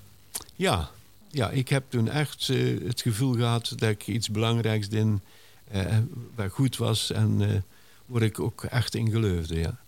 En ik, ik heb het ook altijd geaardig gedaan, moet ik eerlijk zeggen. Ja. Ja. Begonnen in het basisonderwijs, lager Ja. onderwijs. Ik ben begonnen op de SIEP, de Vogelwijk in de Bos, want dat deed de Sint-Jan Stichting dan weer. Hè. Ik had mijn hoofdakte. De hoofdakte die haalde in september de ongelukkigste tijd. En die keken dan, oh, daar is wel een vacature, daar is een vacature. En ik kwam natuurlijk altijd in een afvalbak van eh, plaatsen die, die niet bezet waren. Maar ik heb daar ook met plezier gedaan. Er was toen eh, keizer Emiliaan, noemden ze frater. eh, God, hoe... Ja, hij heette Emiliaan. Maar ze noemden de keizer Emiliaan. Dat was het hoofd van de school van de Vogelwijk. Ja, niet, dat was niet de handigste wijk van eh, Nee, te- zeker om niet. te beginnen, was- denk ik. Nee, dat was ook Nee. weer een afvalbak, ja. Ja. ja. Maar ik heb er maar kort gestaan. Maar wel veel geleerd. En eh, toen moest ik in dienst. En mijn broers die hadden al gediend. Wij waren helemaal niet van militaire dienst. Nood, er kwam er nog bij dat ik eh, in de SROC ingedeeld was. Ik moest dus ook nog reserveofficier worden. Dat hield in dat ik nog langer in dienst zou moeten zijn. En ik kreeg altijd thuis nog te horen dat ik geld zat gekost had. Hè? En ik kon eigenlijk een paar centen terugverdienen. En dan moeten in dienst drie kwartjes per dag. Was het toen, denk ik, ja. En eh, dan zat ik door in Amersfoort. En godverdorie, ik, ik had er helemaal geen hart. En ik had er ook helemaal geen zin in. En dan die opleiding, dat duurde dan dus ook al niet meer van harte. En toen kreeg ik van de Sint-Jan Stichting te horen... als eh, ik meen dat ik zeven maanden gediend moest hebben... dan kon je versneld uit dienst. Als je een vacature invulde die zij dus eh Ja. hoognodig moesten bekleden. hè. En dat was de jongensgroep van de woonwagenkampschool in Vlijmen. En dat heb ik gedaan. Dus ik ben versneld uit dienst gekomen. Ik ben naar eh, de woonwagenkampschool gegaan. En daar heb ik eh, ook weer les gegeven. En ook weer veel geleerd. Dat was hoofdelijk onderwijs. Heel ander onderwijs eigenlijk. Daar hadden jongens van, van 11, die zaten in boekje 2. En jongens van 18 die op kampen hadden gestaan... waar altijd wel een school was geweest. Die zaten al in boek 4. En die moesten allemaal hoofdelijk bijwerken. ja, echt wel Ja. blij dat ze, dat ze er waren, denk ik. Ja, als ik begon, s morgens om half negen. Want de leerplicht werd ook vrijelijk geïnterpreteerd. Ja, inderdaad. Ze hadden kaarten waar dus de absentie op moest aantekenen. Kaarten waren altijd weg. En het was ook zo om half negen. Eh, dan had ik er een stuk of drie. En eh, tien uur na de koffiepauze, dan waren het er al eh, dubbele. En smiddags, als het mooi weer was, en ze dachten misschien gaat hij dadelijk wel voetballen. Want ze hadden wel heel veel eh, extra dingen. Hè. Ze, zij waren officieel BLO-marges. Ze kregen van, van de gemeente prachtige bloemen voor de tuintjes. Ze, ze hadden een eigen voetbalveld, sportaccommodatie. Ja. Wat dat betreft was het heel goed. En eh, dan had ik wel een volle bak ooit. En dan waren er dus alle 16, maar dan dachten ze echt dat ik ging voetballen. Ja, ja. Ja, Dan, dan, toch even ook naar jouw schrijverschap. Hè? Want je zegt eh gezin straks van ik heb altijd toch wel eh, een, boek, een boek willen schrijven. ja, Je bent niet opgegroeid in een omgeving waar de boeken voor het grijpen lagen, denk ik. helemaal niet. Wij hadden thuis geen boeken. Wij waren afgebrand in de oorlog, we hadden niks. En eh ome Nines, dat was de vrijgezelle broer van, van mijn moeder. Hij is niet vrijgezellig gebleven trouwens. Die eh, had geen kinderen dus. En die kwam af en toe naar ons toe. En dan had hij altijd iets voor de jong bij hem. Hè. Dat was een houten pias of zo. Maar ook boeken soms. En dan noemden wij dus het boek van ome Nines. Nou, daar waren we gek op. Want er, er waren verhalen, reisverhalen van Sven Heden. En Sven Heden heb ik naar de eens opgezocht. Dat is een Zweed, die is in de oorlog ook verkeerd geweest. Dus dat boek zou wel heel goedkoop zijn Ja. geweest. Maar goed, wij vonden het prachtig. En er stonden foto's in en, eh, van ja, bisten van die wij nou nooit gehoord of gezien hadden. Dus dat was het boek van Ome Nines. Die hebben ons heel veel indruk gemaakt. Ja. En wij hadden helemaal geen boeken, maar ja, de, de, de, de studie en zo. En, en die dingen komen dan bij elkaar. Ook dat dialect waar we straks over hadden. Maar ook die achtergronden. Ik, soms heb ik toch wel het gevoel dat we een beetje de lessen van, van de Mohikanen, zeg ik dat nou goed? Mo, Mohikanen, denk ik. Ja. de Mohikanen. Ja. ja. Mohammikanen. Ja. De Mohikanen, ja. ja. Daar waren wij. Want eh, ja, die toestanden van... eh, de middeleeuwse opvoeding, zou ik maar zeggen. eh, ja, de middeleeuwse toestanden moet ik eigenlijk zeggen. Dat was er niet meer naar ons, hè. Nee. En eh, Je hebt op het breukvlak van, van, van, van tijden ben ik opgegroeid in feite. Ja. Hè? ja, Het- De oude wereld. eh, alles nog ja. met de hand en zo. Ja, ja dat vond ik dus eh, toch de moeite waard om vast te leggen. En, en dus, er kwam er wel wat dialect in voor ook, maar dat was dus niet mijn oogmerk met het eerste boek hè, van Hemelslicht en 11 uur. Hè. Nee. Dat is gewoon eigenlijk de beschrijving van de toestanden van mijn eigen jeugd. Ja. Ik- Dan ben, dan ben je rond de 30. Dan heb je al een boek geschreven over, over vakanties. eh, die, je- die, oh ja, die dat vreemd. Ja. Ja. Ja. en dan schrijft je inderdaad eh, Ja. van Hemelslicht en Hellevuur. Dan denk ik dat je een jaar of 30 bent. eh, Ja, ja, dat klopt. Zoiets, misschien net iets erover. Het is eh, 76 jaar en ben ik al in de 30 jaar. hoe, groot, hoe groot is die een drempel die je over moet? Want ja, hoeveel mensen kende je nou in jouw omgeving die, eh, die een boek aan geschreven? Of die, die... Ja, dat is gewoon een sprong in het diepe. En, en we hebben het dus ook gewoon zelf moeten financieren. Want eh, er was natuurlijk ge- geen uitgever voor te vinden. Ja. Ja, en omdat dat, ja, dat is ook echt wel meegevallen. Vooral van Hemelslicht en 11 uur, dat ging toen zo goed. En daar werd gewoon Janus Liebes heeft daar nog de, de foldertjes voor rondgebracht. Omdat hij toch dingen rondbracht. Nam hij daar ook mee. Ja, daar werd hij wel voor betaald dan. Maar nou, er kwamen zoveel verzoeken om dat boek. Daar ben ik allemaal zelf nog afwezen gegeven. Eh, heel de, de hoek van Van Nuland eh, en Vinkel en, en Balken. Ja, dat zijn dan ook vaak mensen die uitwijkelingen, zou ik Ja. maar zeggen. Eh, nou, overal ben ik dat boek brengen en dat was gewoon aardigheid en dat liep zo goed. eh, dat we naar de rand kregen we een uitgever die daar het in. Ja, dan, dan werkt het voor het heel makkelijk. ja. Waar vonden ze het thuis van? Ja, dat was toch wel. Ik was te eerlijk eh, in, in mijn verhalen. Er waren de dingen die ik schreef over Tante Brie. Dat vonden ze achteraf niet zo leuk. Dat had ik zo misschien niet moeten doen. en ook de buurt, hè. Ik kreeg ook. Ik, ik had dus Janus Zandvoort met zijn bijnaam genoemd, hè.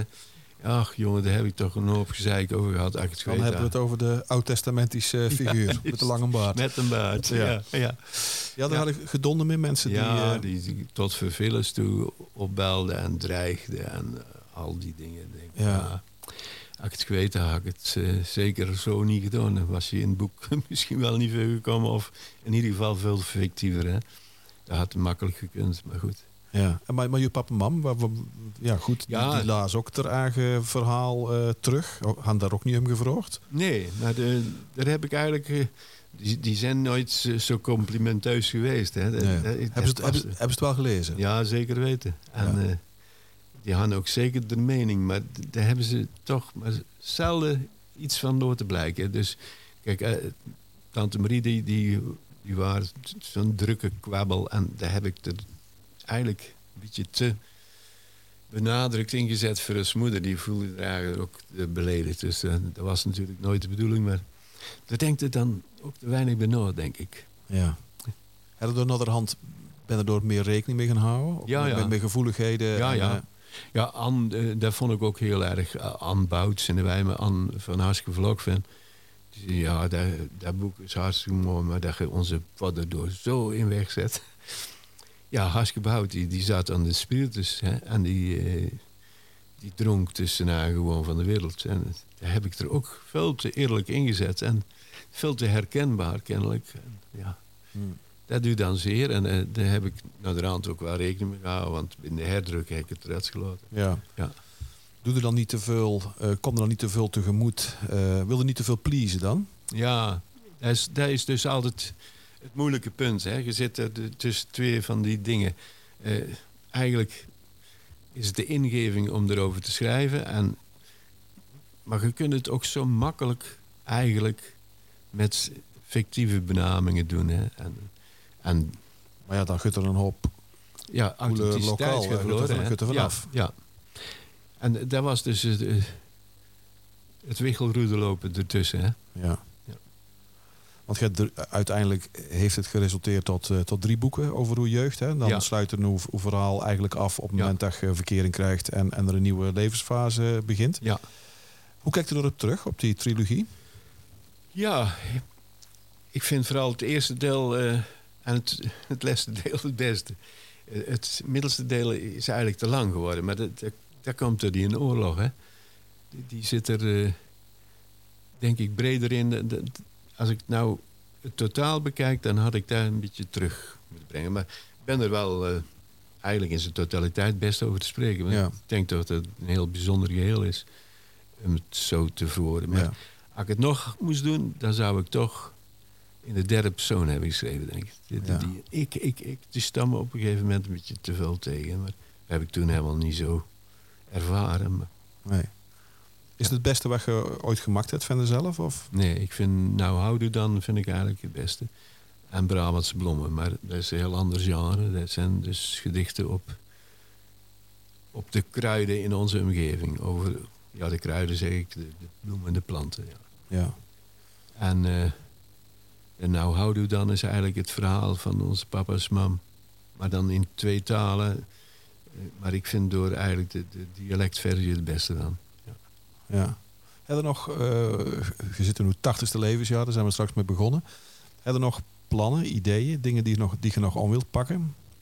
Ja, er komt een boek aan. eh, en er komt, ik had vorig jaar dus de, de Zachte G-prijs gewonnen. En er zit eh, 1000 euro aan. En die moeten dan besteden aan een project waar past in, in het erfgoed. En ik had er lang over zitten dubben. En ik had ook al met Jos overlegd. eh, eh, ik denk dat ik dat toch in het boek... Het is weinig origineel, maar dat, dat wil ik eigenlijk wel. En dat doe ik samen met Henk Jansen uit Hees. En samen met Rini Boeien uit eh, Berghem oorspronkelijk. Maar die woont in Rosmalen. En eh, die hebben, maken we een boek in het dialect over het geloof. En dat heet En gij gelooft. Ja. Ja. De titel is in ieder geval al, eh, al, al heel goed gevonden. Ja. En eh, dat is zo'n mooi project geworden. De, ja, vind ik dus. Mijn vrouw illustreert het zoals gebruikelijk in kleur. Maar ook de vrouw van eh Rini Boeien is kunstenares. En die illustreert de andere helft. En eh, Henk Jansen, dat is eigenlijk een seminarist van vroeger uit het HIS. Maar die is later nooit, hij is nooit priester geworden. Hij is dus... eh, ik weet niet precies welke opleiding hij verder heeft gedaan, maar hij is directeur geworden, geworden van Randstad en hij woont in Hilversum. En daar heb ik heel veel mee samengewerkt, ook al eh, voor eh, in de tijd het Lagaliet Festival. Want vroeger werkte hij bij Jan Vis. Dat was het eerste functie. Dus, en hij is ook nog directeur geweest van de Pas en van de Speeldoos in, Ja. in Gelderop. Maar later is hij dus naar Randstad gegaan in Amsterdam. En nog later naar Randstad in Lissabon. En daar kan ik het heel goed mee vinden. En die kan prachtige dialect schrijven ook. En die heeft hetzelfde v- gevoel voor humor zo'n beetje als, wij. Dus Ja. ja. heel veel schik me. En Rini Boeien, ja, dat is een fenomeen op zijn eigen. Want eh, die kan zo prachtig uit de hoek komen. Die Ja. beschrijvingen. Eh, hij heeft het op een gegeven moment over de seel. En de seel is een zatlap en die zit voor het in het bejaardenhuis. En nou is het probleem, hij mag nog wel naar de kroeg waar hij altijd kwam. Maar hij moet wel om zeven uur binnen zijn voor het avondeten. En dat krijg je niet van elkaar. Hij wordt altijd weer zat in, en hij komt altijd veel te laat. En eh, op een gegeven moment moet de overste het hem zelf halen. En de seel die gaat mee, maar hij is al ongeschoten. En, en dan gebeurt de ramp. Heeft hij toch moeder overste in de kont genepen. En dan schrijft Rini, ja dan moeten we wel weten, moeder overste een kont. Er konden met vier man aan gezette kaart en er waren nog plaats voor een asbak. Ja. ja. Maar het Os, eh, ja, het Os-dialect is toch he- heel anders, hè? Ja, zeker. Wat is er specifiek aan het, aan het dialect? Ja. Waar wij hebben. Ja, Welk dialect hebben wij eigenlijk? Ja, het is de, eh, wij noemen het het Noordmeijerijs. Eh maar ik zit dan nog weer op het randje, want Nuland het met heigen, zeigen en leigen alweer meer naar het Maasland op. En onze vaders in heigen, zeigen en leigen. Dus die zit eigenlijk aan de Rosmollense kant, maar de moeders die zijn heigen, zeigen en leigen. Ja. Eh bij Noordoost-Meijerij is eigenlijk toch wel, denk ik, eh, de beste benaming.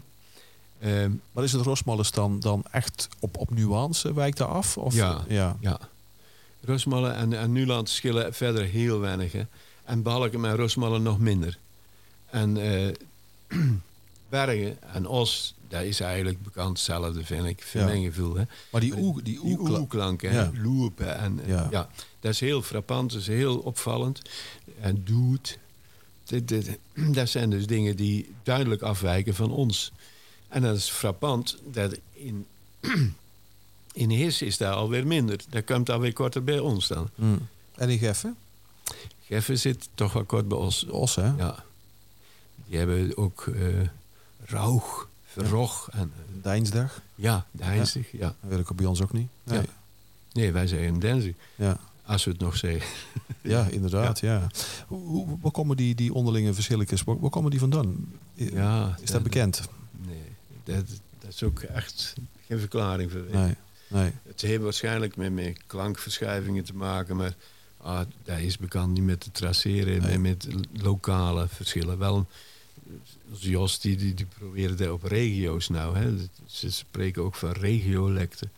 Dus eh, dan zie je het dus, daar kun je ook mee horen. Hè. Is iemand het land van Kukamp, uh, Huis op den Diek, dan hebben ze het al vrooien. En Huis en Toys, dan zit het al bij, bij Helmond. Hè. Ja. Aan een woordje, net net als huis, daar daar kun je toch wel heel veel afleiden. Huis, huis, hoor het nou niet veel meer, maar bij ons was het huis eigenlijk. Hè? En als je naar Helmond gaat, huis. En als je naar Boksel gaat, hoos. En als je naar Tilburg gaat, huis. En als je naar het, eh, naar het westen gaat, dan is het dun huis, dun huis. Dan laten ze de H weg en dan Ja. is het ineens dun geworden. Ja. Het, het, ja. Je noemde wagen net al, eh, we gaan een klein, we gaan een beetje afronden. Ja. Je noemde wagen net al eh, de laatste der Mohikanen. Ja. Eh, als het gaat over het spreken van, van dialect. Ehm, je hoort in jouw omgeving, en ik hoor in mijn omgeving ook steeds minder dialect spreken. Of het is heel lelijk dialect, ongeleerd dialect, op Ja. een of andere vreemde manier. Gekunsteld, ja. Gekunsteld. Ja, dat klopt. Eh, moeten we zaken zorgen maken? En hoe erg zou het zijn als er over 100 jaar geen man met dialect spreekt? Nee, zorgen maken moeten wij vooral niet. Eh, Het eh, natuurlijk verschralen en het verdwijnen, denk ik, eh, op bij accenten en zo. Nou. En je kunt het toch niet tegenhouden. En het is ook zo, van de andere kant uit geredeneerd, heb ik altijd gezegd van, als wij het niet kunnen bewaren, dan zijn we het misschien ook niet waard. Je moet, ik heb in ieder geval geprobeerd om aan te geven dat dat heel mooi is. Maar de omstandigheden werken in alle opzichten tegen. Hè. Het, het- de wereld is zo open geworden dat, dat de mensen, in mijn geval, wij, wij hadden zo'n strak vast dialect. We spraken ook eigenlijk bekend allemaal hetzelfde, omdat we bekend niks anders hadden ook. Hè. Maar eh, ja, het is zo open geworden dat, dat nou als sneeuw voor de zon Ja. verdwijnt. Ja. Ja. Als dit een, eh, een filmopname zou zijn, in plaats van een audio-opname, en ze zullen hem over 100 jaar afdraaien, zullen er dan ondertitels bij moeten hier in, eh, in Balkum of in Meroy, waar we nou zitten? Ik vrees van wel en ik hoop van niet. Ja. Dat lijkt me een heel duidelijk antwoord. Ja. Eh, Cor, ja, hartstikke bedankt voor, gedaan, voor jouw tijd Ja. en energie. En jullie allemaal bedankt voor het luisteren naar deze eerste podcast van de Heemkundekring uit Nuland. Bedankt.